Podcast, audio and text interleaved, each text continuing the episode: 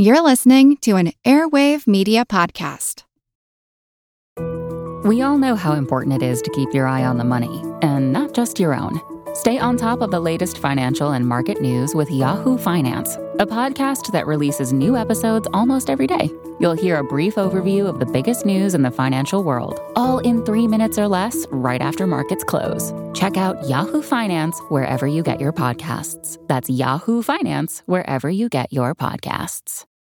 This is Kick Ass News. I'm Ben Mathis.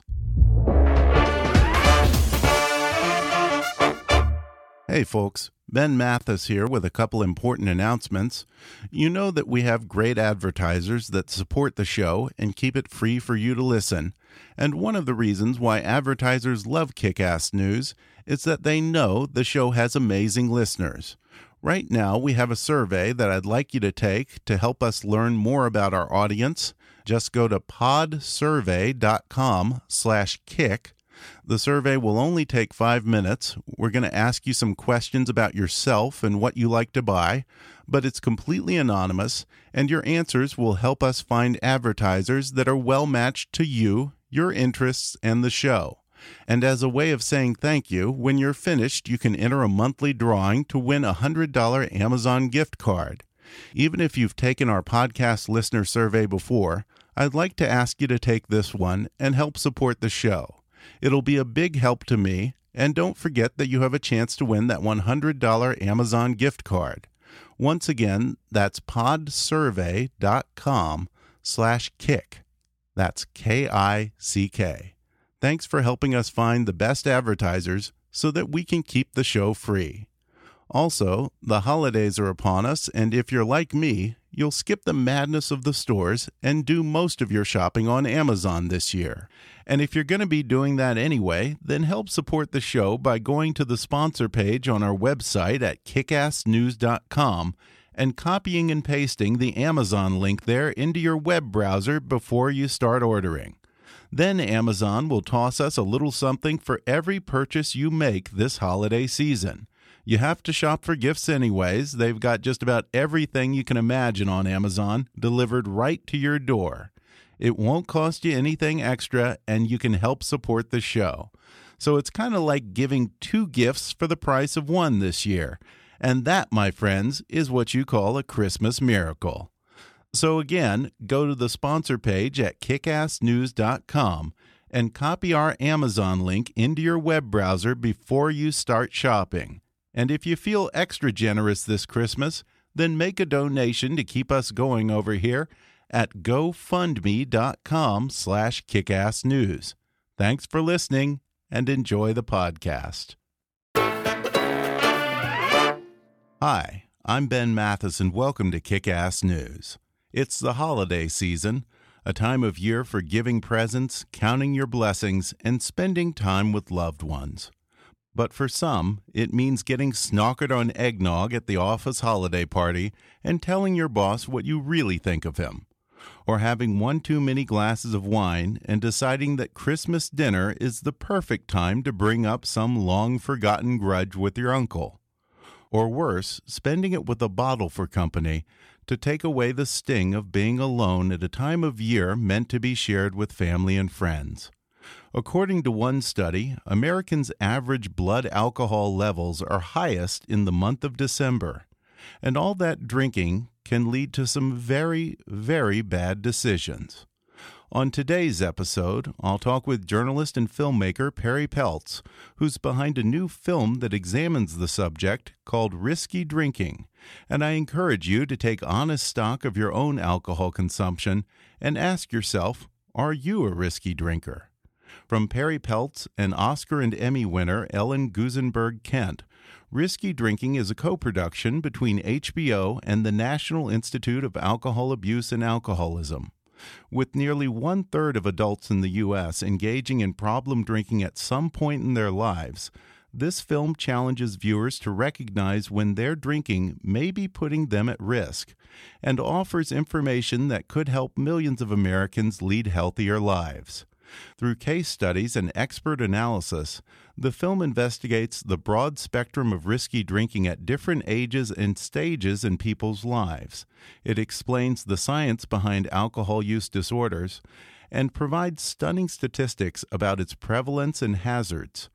Today, Perri Peltz will talk about some of the people she followed in her film who are struggling with various degrees of alcohol addiction. She'll discuss how the new thinking is that drinkers fall on a spectrum of risk rather than simply having a drinking problem or not having one. And she'll discuss the broad array of treatments being offered today that go well beyond the old 12 step program to include medications and somewhat controversial solutions like moderation. Then I'll talk with Dr. George Koob, the director of the National Institute of Alcohol Abuse and Alcoholism, which co produced Risky Drinking. Dr. Koob will share what signs to look for if you want to know if you might be a risky drinker. He'll discuss how moderate alcohol consumption may actually have some health benefits. He'll discuss the long term toll alcohol addiction can take on your physical and mental health, and how drinking gradually alters your brain's pathways to make it harder and harder to quit. Coming up with Perri Peltz and Dr. George Koob in just a moment.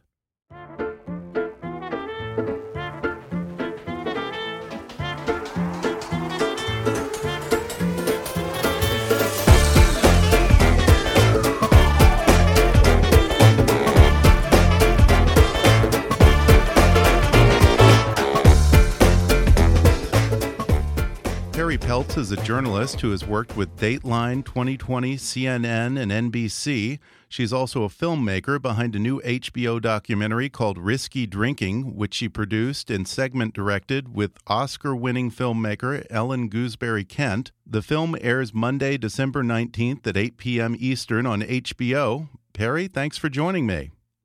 Well, thank you so much for having me. I'm so happy to to be a part of this. Well, you know, I'm going to start with, I guess, an obvious question. Do you drink? You know, it's actually it's a it's a good question. In fact, I don't drink. Okay. Um, I stopped drinking more than ten years ago. It wasn't any cataclysmic moment for me, but I just wasn't kind of working as well as it as it had been, and I decided to try and stop drinking for about a month and see what that felt like, and I liked it. So I never started okay. again. And this film explores different approaches to alcohol disorders and how to treat them. Mm -hmm. If I may make this personal, what worked for you? Was it just quitting cold turkey or? I did. I just stopped drinking. Okay. Okay. So for me, it, it, it, it wasn't, it wasn't, you know, I didn't have to kind of go through any of the methods that we talk about in the film um, I just I just stopped drinking. You know, I think that for everybody, it's it's it's a personal decision. It's where their drinking is. It's the consequences that they are experiencing. It, it really is an individual process and decision. I also noticed on your Wikipedia that you have a master's degree from Columbia in public health, and it says in 2008 you took a break from journalism to attend medical school. Did that play into your interest in this subject? You know, I love medicine and I have a master's in public health, as as you say. So I've always been interested in public health issues, and as a journalist, have tried as much as I can to focus on issues related to public health. I had the privilege of directing a documentary for HBO about the disparities in healthcare for women with breast cancer. Um, so I, I, like to focus on, on public health issues. So yes, alcohol abuse disorder is a public health issue. It's something that a lot of people a lot of people drink and the vast majority drink responsibly without problem. But for those who struggle, it is clearly it's you know it's it's a real public health matter. So it was really a privilege for me to be able to work on this film. And in the description of the film, it says that you will highlight the paradigm shift away from the old disease mm. and addiction model that sends too many people into hiding rather than encouraging them to open up about their drinking and seek alternative options for realistic change. Why is the traditional wisdom about addiction and treating alcoholism as a disease problematic? I think that when we label it as a disease, there is an important part of it, which is it's not a moral failing, it is a disease. But typically, I think that's more in the in the middle of the spectrum towards the end of the spectrum. I think if you look at somebody at the who has a, you know who may be a binge drinker or who may be in the early stages of a drinking disorder and say, you know, you have a disease, I think that can be a turnoff, and I think that can that can be problematic. What I think that Ellen and I set out to do is to put a put faces to the concept that drinking is not a binary. It's not a yes or no. It's not black or white. You're not fine or an alcoholic. Most people who struggle with a drinking issue are somewhere in the middle of what is a spectrum. It's just not a binary. And that is something that um, the president of HBO documentary film, Sheila Nevins, was really intent on our looking at, trying for to people to be able to see themselves possibly in some of these the, the people that we profiled in this documentary.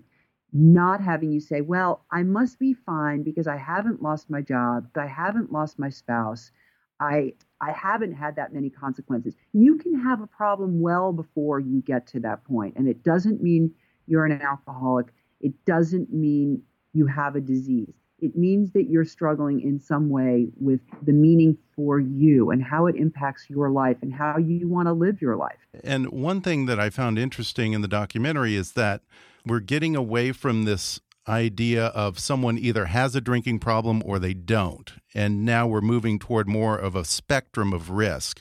Walk us through the spectrum. Right. Okay. So the, the spectrum basically starts at the very early stages where you may be showing some signs of um, a problem. And what are those signs? It, it again, it varies, and an expert could really lay those out for you. But maybe you're drinking more than you want to. Maybe you're not feeling well in the morning. Maybe you're forgetting some of the things that you're supposed to do. And then it progresses to the more moderate stage in the middle where you're consistently drinking more than you want to drink. And then it goes to the severe end of the spectrum, which are is typically what you think of when you think of an alcohol use disorder or you think of an alcoholic. Somebody who is consistently drinking more, somebody who is being forgetful, somebody who doesn't who consistently doesn't feel well, somebody who's having health consequences, somebody whose relationships have been impacted. Those are all the kinds of signs that you start to see much more consistently towards that right side or more extreme side of the spectrum. And in the film, you talk about wanting to encourage realistic change. What do you consider realistic change? Well, I think the realistic change really is a very individual question. I think mm -hmm. realistic change for somebody at the beginning part of the spectrum may mean a more moderate approach to alcohol, may mean a more harm reduction look at how they how they're drinking. Maybe instead of drinking five nights a week, they cut down to three nights a week. Maybe instead of drinking four drinks a night, they go to two drinks a night. So I, I think that the question of what is realistic is really up to the individual. Somebody who is in the more severe side of the spectrum, you look at somebody like Neil, who we uh, portray in the film. For Neil, there is no room for moderation. It, he needs abstinence, and there's there's little room for what is a definition of what's realistic for, for him. So I think it's really up to the individual. We just wanted to be able to lend a voice to this concept that there isn't a one size fits all approach anymore. It used to be that it was 12 step or bust. Mm-hmm. That that was really the prevailing treatment model. And and 12 step first of all isn't a treatment. Um, it's a much more of a community um, kind of support group. And but, is 12 step the same as AA, right? Well, AA are they one in the same 12 step program. Okay. There okay. are many 12 step programs. AA is probably the most popular one, the one that people have heard of the most, but it is a 12 step program. That's correct. And it's a wonderful program and it helps a lot of people. So, again, the idea is that there's a lot out there. Um, the term has been thrown around a lot and it's become a little bit of a cliche, the old toolkit. But the truth is that there are a lot of tools in that toolkit to help people who are struggling. There is analysis, there's you know therapy, there is 12 step, there are medicines. There there are there are many things that you can do um, to help individualize your own response to your own drinking issues or your own drinking problems or your alcohol use disorder, whatever it is. And I think that for people to think that they're going to go and they're going to talk to somebody and that somebody's going to say to them, well, you should go to a 12 step program, that's not the only answer that you're going to get. The likelihood is you're going to hear about a lot of options. And we want to encourage people who are in some way dealing with this, either themselves or for a loved one, that they understand that there are lots of things out there and it doesn't look the way it did um, even 10 years ago. Yeah, and 12 step programs like AA have been guilty of propagating this idea that they are the only solution. It's problematic because another critique of 12 step programs is that they push the idea that you have to believe in God or some higher power in order to complete the 12 steps. And that might push a lot of people away, perhaps. Well, you know, you're right. I think that that it the that that is the thinking that you have to believe in God, but but you know what we learned is you don't. A higher power can be anything. Um, higher power could be your friend. A higher power could be your work. A higher power could be anything. But yes, you're absolutely right. It has certainly suffered from from people thinking that it is related to religion in some in some way.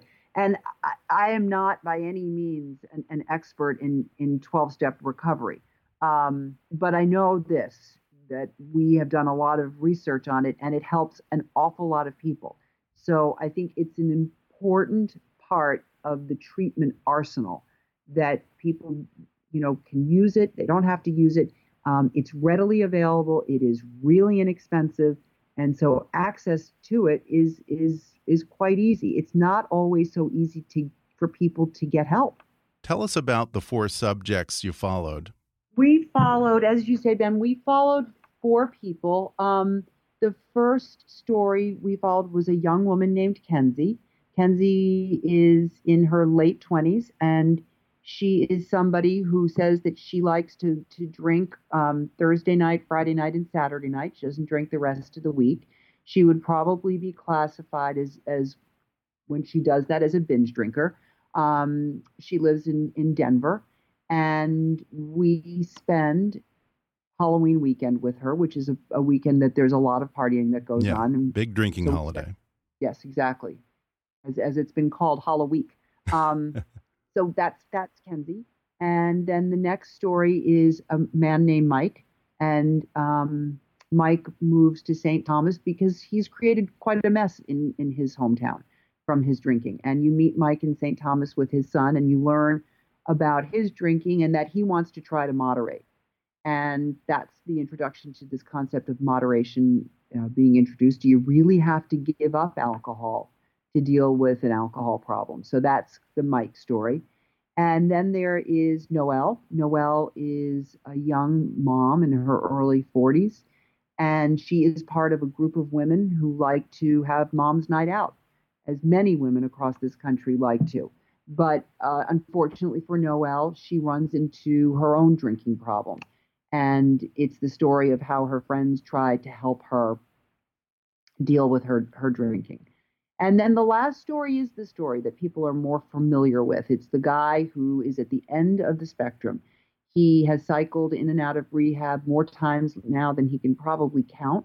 Um, while we were with him, I think the number was 12 or 13 times through rehab and detox. So he gets to a point where he is so uncomfortable physically that he has to go detox. And then he comes out and he's, he doesn't drink for about a month and he's able to, to maintain sobriety for that period of time. But then he goes back to drinking. And what we learned from the experts is somebody like Neil has had real brain changes that have taken place. And so this need to drink is not just because he can't stay sober anymore or he doesn't want to stay sober. It's because his brain is really screaming out for alcohol. And that short of going into a program or having somebody be on top of him for a year and a half to two years, which is what they say it takes for the brain to kind of heal itself or build alternate circuitry.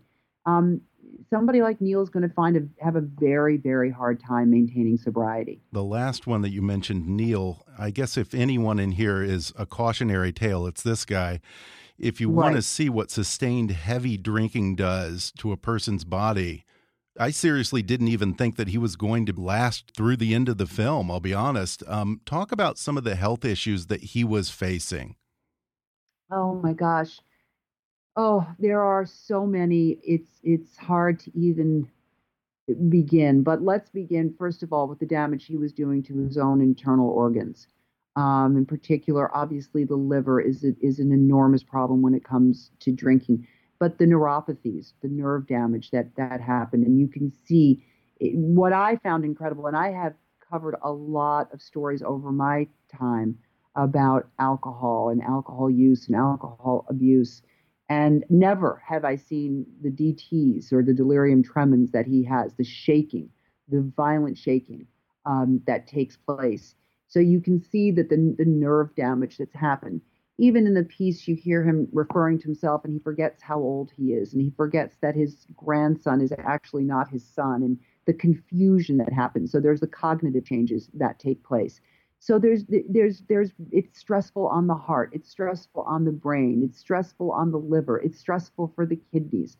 There there really isn't an organ system they say that is that escapes when you are a heavy user of, of alcohol or where you, when you're on the spectrum in the way that that that Neil is. And I think you you see it.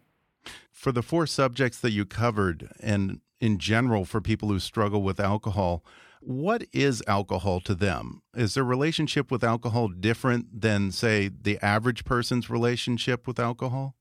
You know, the expert Carrie Wilkins would say that when you start to talk about somebody who wants to stop but can't stop, there's usually something else that's going on that needs fixing. So you think to yourself, why does somebody continually chronically relapse? Why uh, when like I said, when they want to when they want to stop drinking. Oftentimes you've got to look and try to figure out what that problem is. And I'll leave more of that really to the experts. But I I think that there's obviously a reliance on alcohol that's different for people who are struggling than for people who can use it in a very and drink in a very casual benign kind of way. So yes, I would imagine that their relationships are different with alcohol. I don't want to say that for Kenzie. Um, you know, Kenzie would maintain that she's a young person, that young people drink like that, and oftentimes restrict their drinking to a couple of nights and go out hard on those nights. So I don't want to I don't want to answer for her, but I think it's fair to say for the three others that they have an unhealthy relationship with alcohol and all three of them want to to fix that. And Noelle has now picked up two six month chips at AA. So she's gone for two stretches of six months, which is extraordinary. Um, Mike is moderating his drinking. So he says that his drinking is is is more under control. And Neil is still continues to cycle in and out of, of, of detox. And I think that what the experts would tell you that short of a really long-term facility or long-term oversight that it's you know it's chances are not on his side mm -hmm. i wasn't aware of this idea of moderation using that as a treatment for alcohol disorders um, from what you saw what was the efficacy of this moderation approach? Yeah. it's a, it's it's i know it's tough. I'm assuming um, that's controversial. It is it, it is it is. Um the the the thinking is that moderation is something that can work for people who are on the lighter side of moderate of of um, a moderate drinking to the very early stages on the spectrum.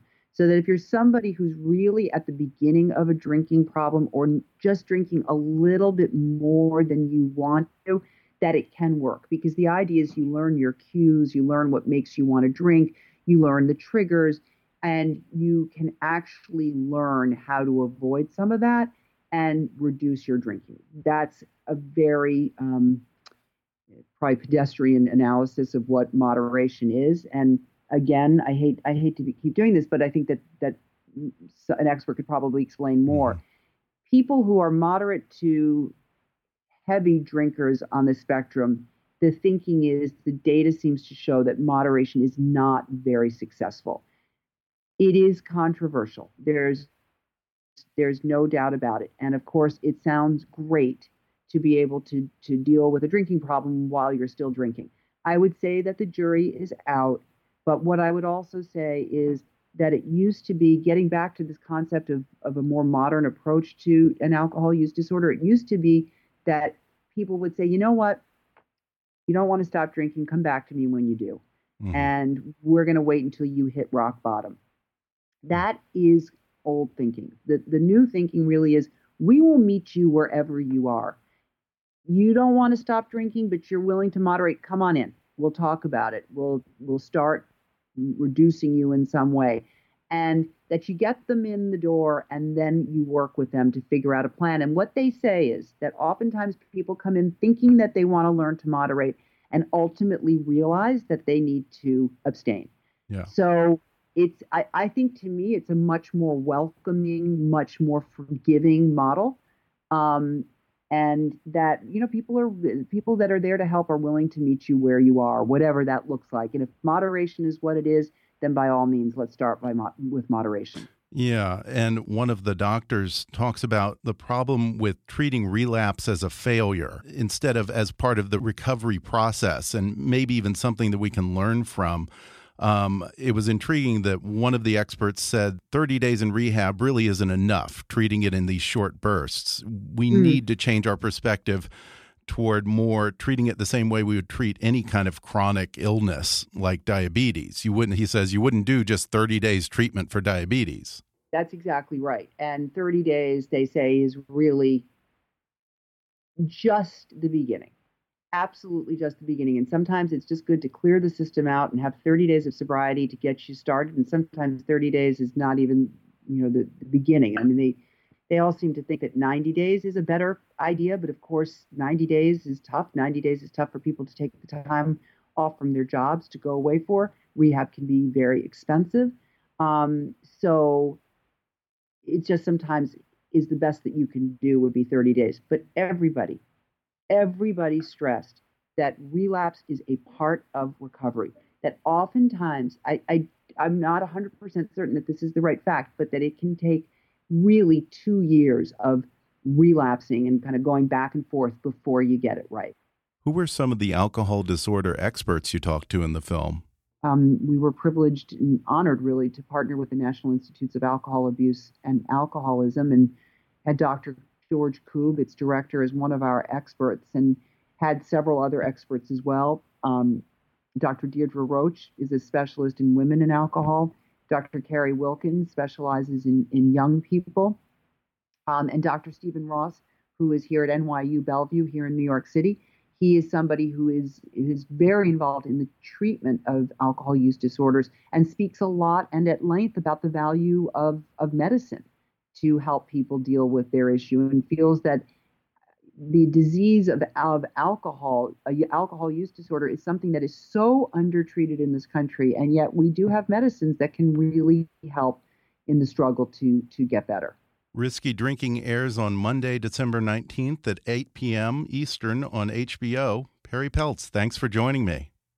Thank you so much. It's been a real pleasure. I appreciate it. We're going to take a quick break, and then when I come back, I'll talk with the director of the National Institute of Alcohol Abuse and Alcoholism, Dr. George Koob, when we come back in just a minute.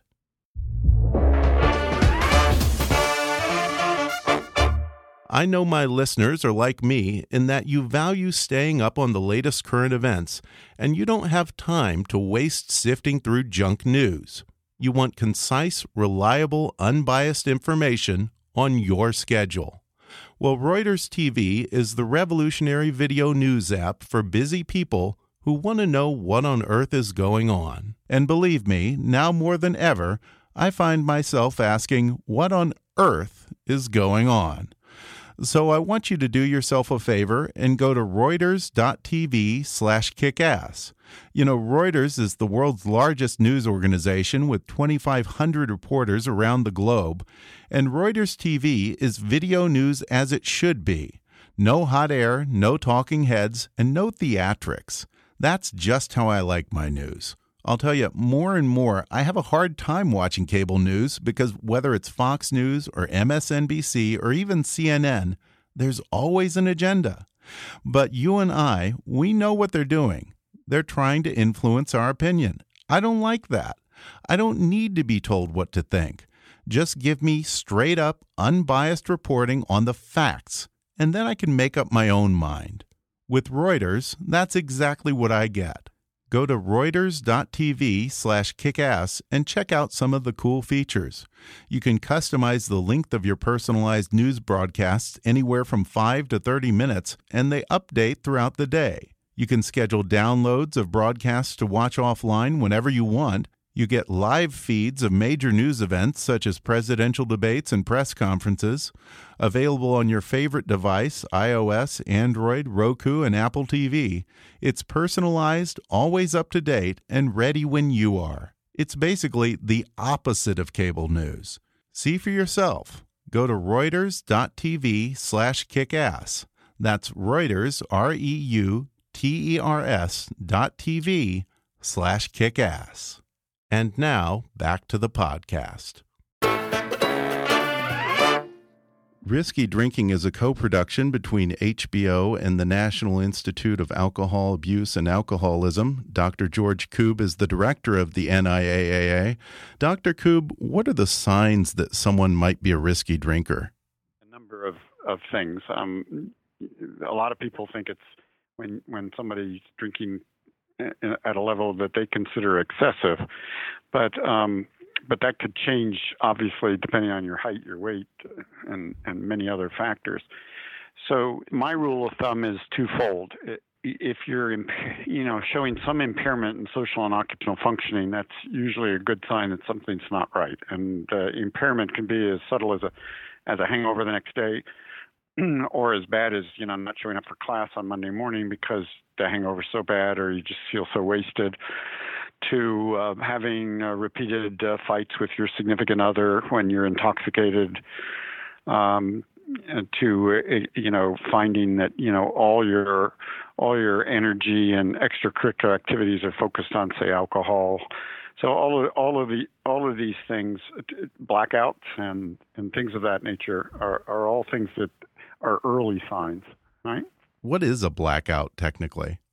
Well, that's a really good question. A blackout is, is, a lot of people think a blackout is when you go unconscious when you've been drinking, but a blackout is is not that. A blackout is where you seem to be functioning normally, or at least somewhat abnormally. You may be dancing on the table with the boss's wife or something like that, but the next day you have no memory whatsoever. Uh, it's like a gap in the tape, and so um, you know, you go into the office or, or, you know, your place of work and everybody's smirking and laughing at you and you don't know why because you don't remember what transpired when you were intoxicated. And it involves, um, alcohol it has a very sensitive effect on that process that we call consolidation of short-term memory to long-term memory. And so you just probably you're not laying down that memory because that system is blocked. Um, what ages are most at risk for developing an alcohol disorder? Well, uh, it varies across the lifespan. I, I would, um, I don't have any numbers for that one, but I would say probably in your mid 20s to early 30s is when the manifestations of, of an alcohol use disorder probably show themselves. But some people, I mean, you're you're more likely to have an alcohol use disorder if you've begun um, uh, drinking at age 12 or, or 13. So the earlier you start uh, misusing alcohol, the more likely you are to have an alcohol use disorder later in life. So I would say that probably the period when you're going to start picking up something like this is between 25 and 35.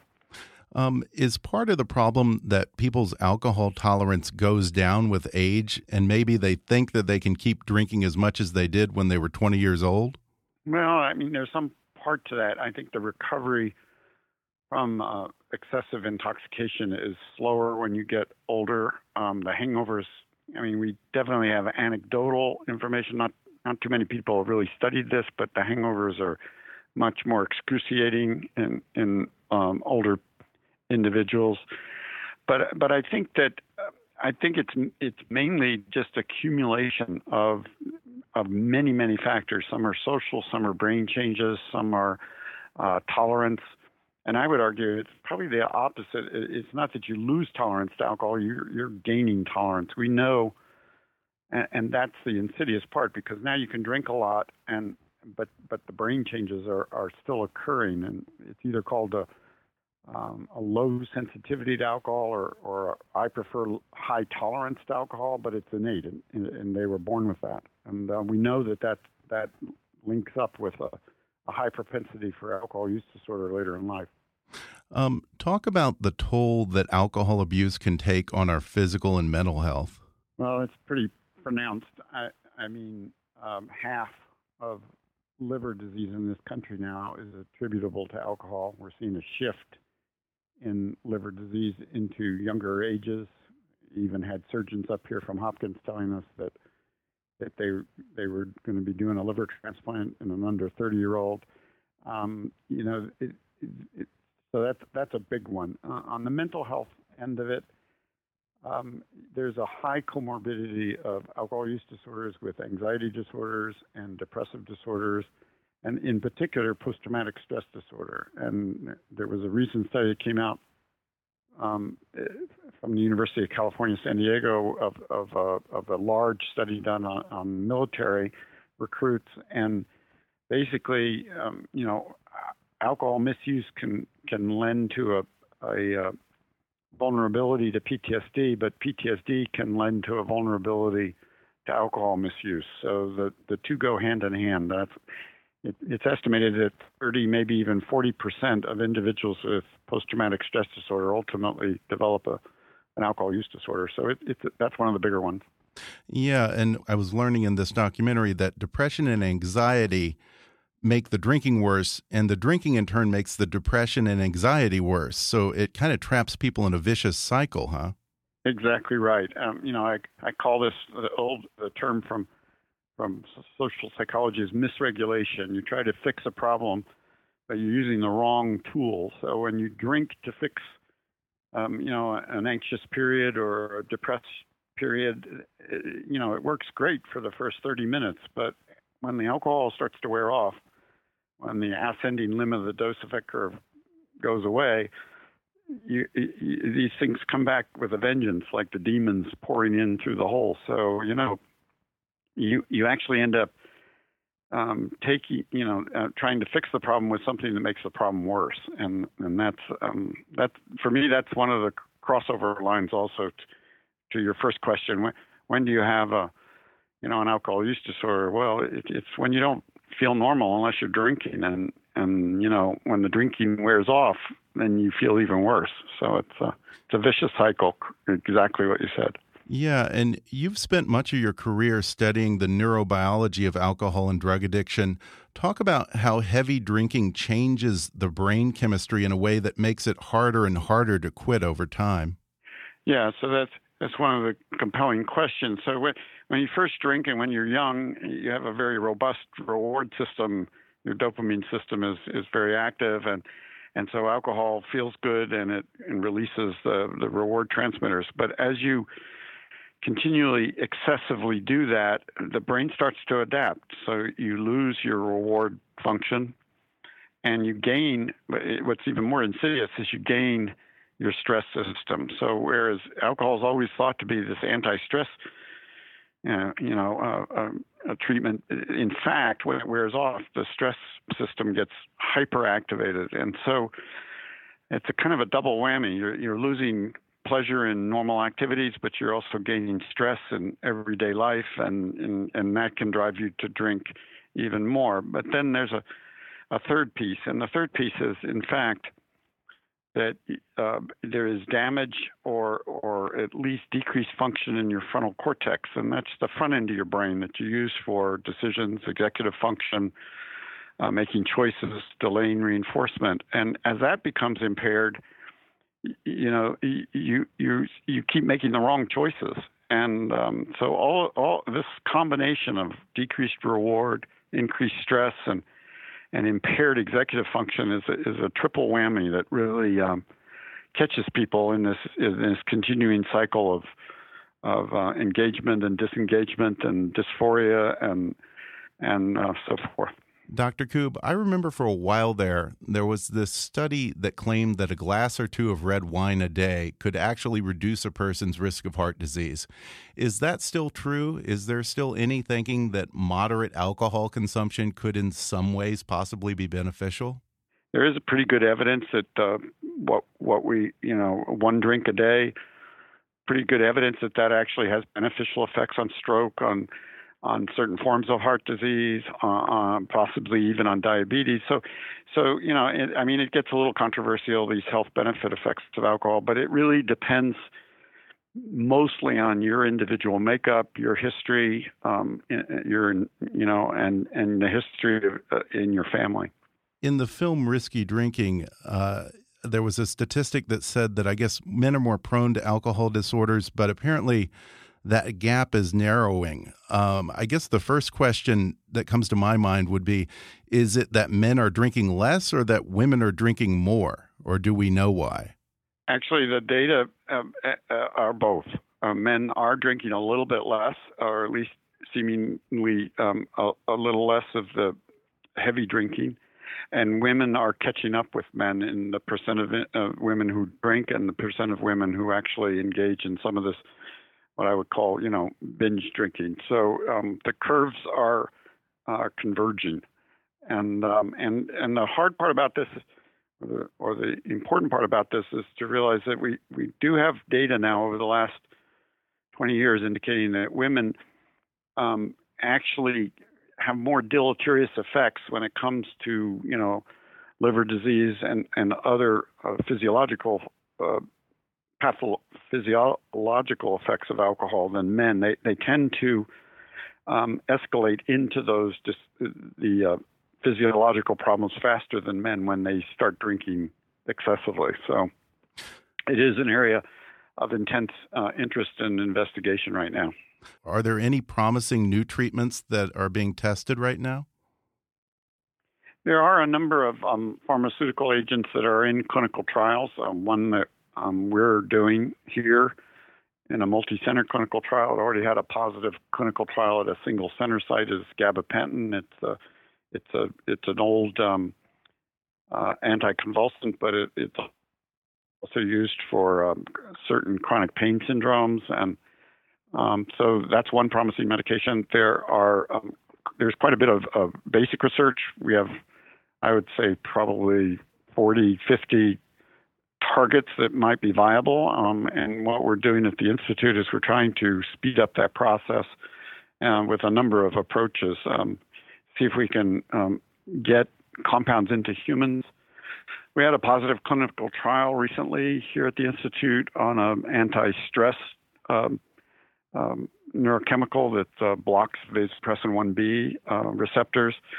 But um, we also need cooperation from the pharmaceutical industry because you know, it, we can actually do some of the preliminary clinical trials, but when it comes to getting a drug ready for market, can get quite expensive. So, you know, we're making an outreach in that direction as well. But you know, I'm the eternal optimist, so you know, I think there are things coming along. Um, I'd like to see a little more energy put into, you know, what I call the dark side of addiction and, and, and alcoholism in particular, so that you know people um, can can reverse this kind of uh, break with homeostasis in their emotional systems. And I think, you know, that's an area we're putting focus on.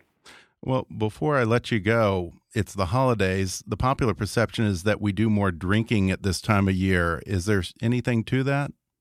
Absolutely. Um, we do more drinking. We have more problems associated with drinking.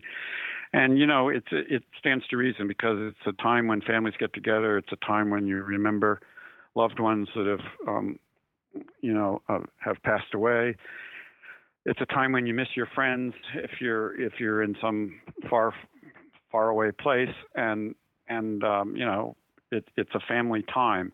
And then of course there's also all the, um, you know, the, the triggers that family members can can elicit in, in, your emotional status. So you know all of these things combined make it a vulnerable time for excessive drinking. And you know, our advice is uh, enjoy the holidays, enjoy a drink once in a while if you're inclined, but be careful about you know overdoing it and and you know trying to self-medicate because that's where things really tend to you know go down the wrong way. Good advice. Well, where can people find more resources if they think they might have an alcohol problem?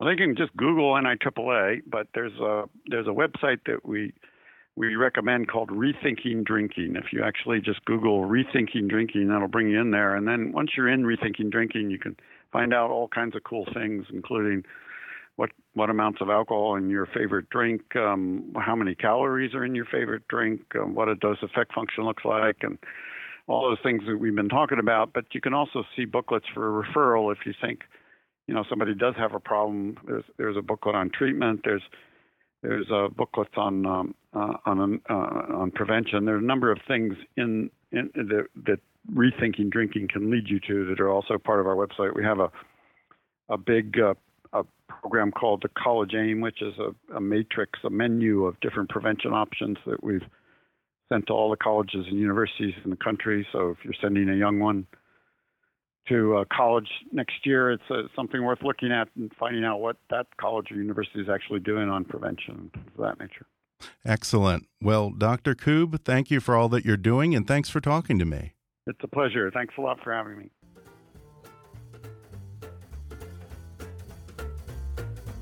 Thanks again to Dr. George Koob and Perri Peltz for coming on the show. Risky Drinking airs tonight at 8 p.m. on HBO. Or you can watch it anytime with a membership to HBO Go or HBO Now. For more information, visit HBO.com. You can follow Perri Peltz on Twitter at, at Perri Peltz. That's P E R R I P E L T Z. And to learn more about the National Institute of Alcohol Abuse and Alcoholism, or if you think that you might have an alcohol abuse problem, visit niaaa.nih.gov.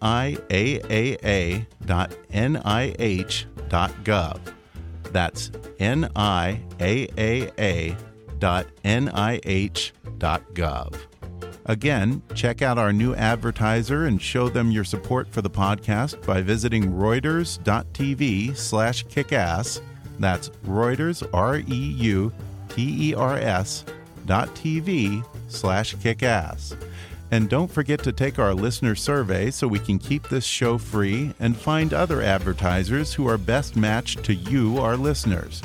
Just take five minutes to go to podsurvey.com slash kick and take the survey. And when you're done, be sure to register for that $100 Amazon gift card giveaway. And once again, before you start your Amazon shopping this Christmas, visit the sponsor page on our website at kickassnews.com and copy our Amazon link into your web browser first. Then Amazon will kick us a little coin for every order you make this season. Be sure to subscribe to Kickass News on iTunes and leave us a review while you're there. You can visit Kickass News on Facebook or follow us on Twitter at, at KAPolitics. And please be sure to recommend Kickass News to your friends on your social media. And if you really want to help out, then donate to our GoFundMe campaign at gofundme.com slash kickassnews. As always, I welcome your comments, questions, and suggestions at comments at kickassnews.com. For now, though, I'm Ben Mathis, and thanks for listening to Kickass News.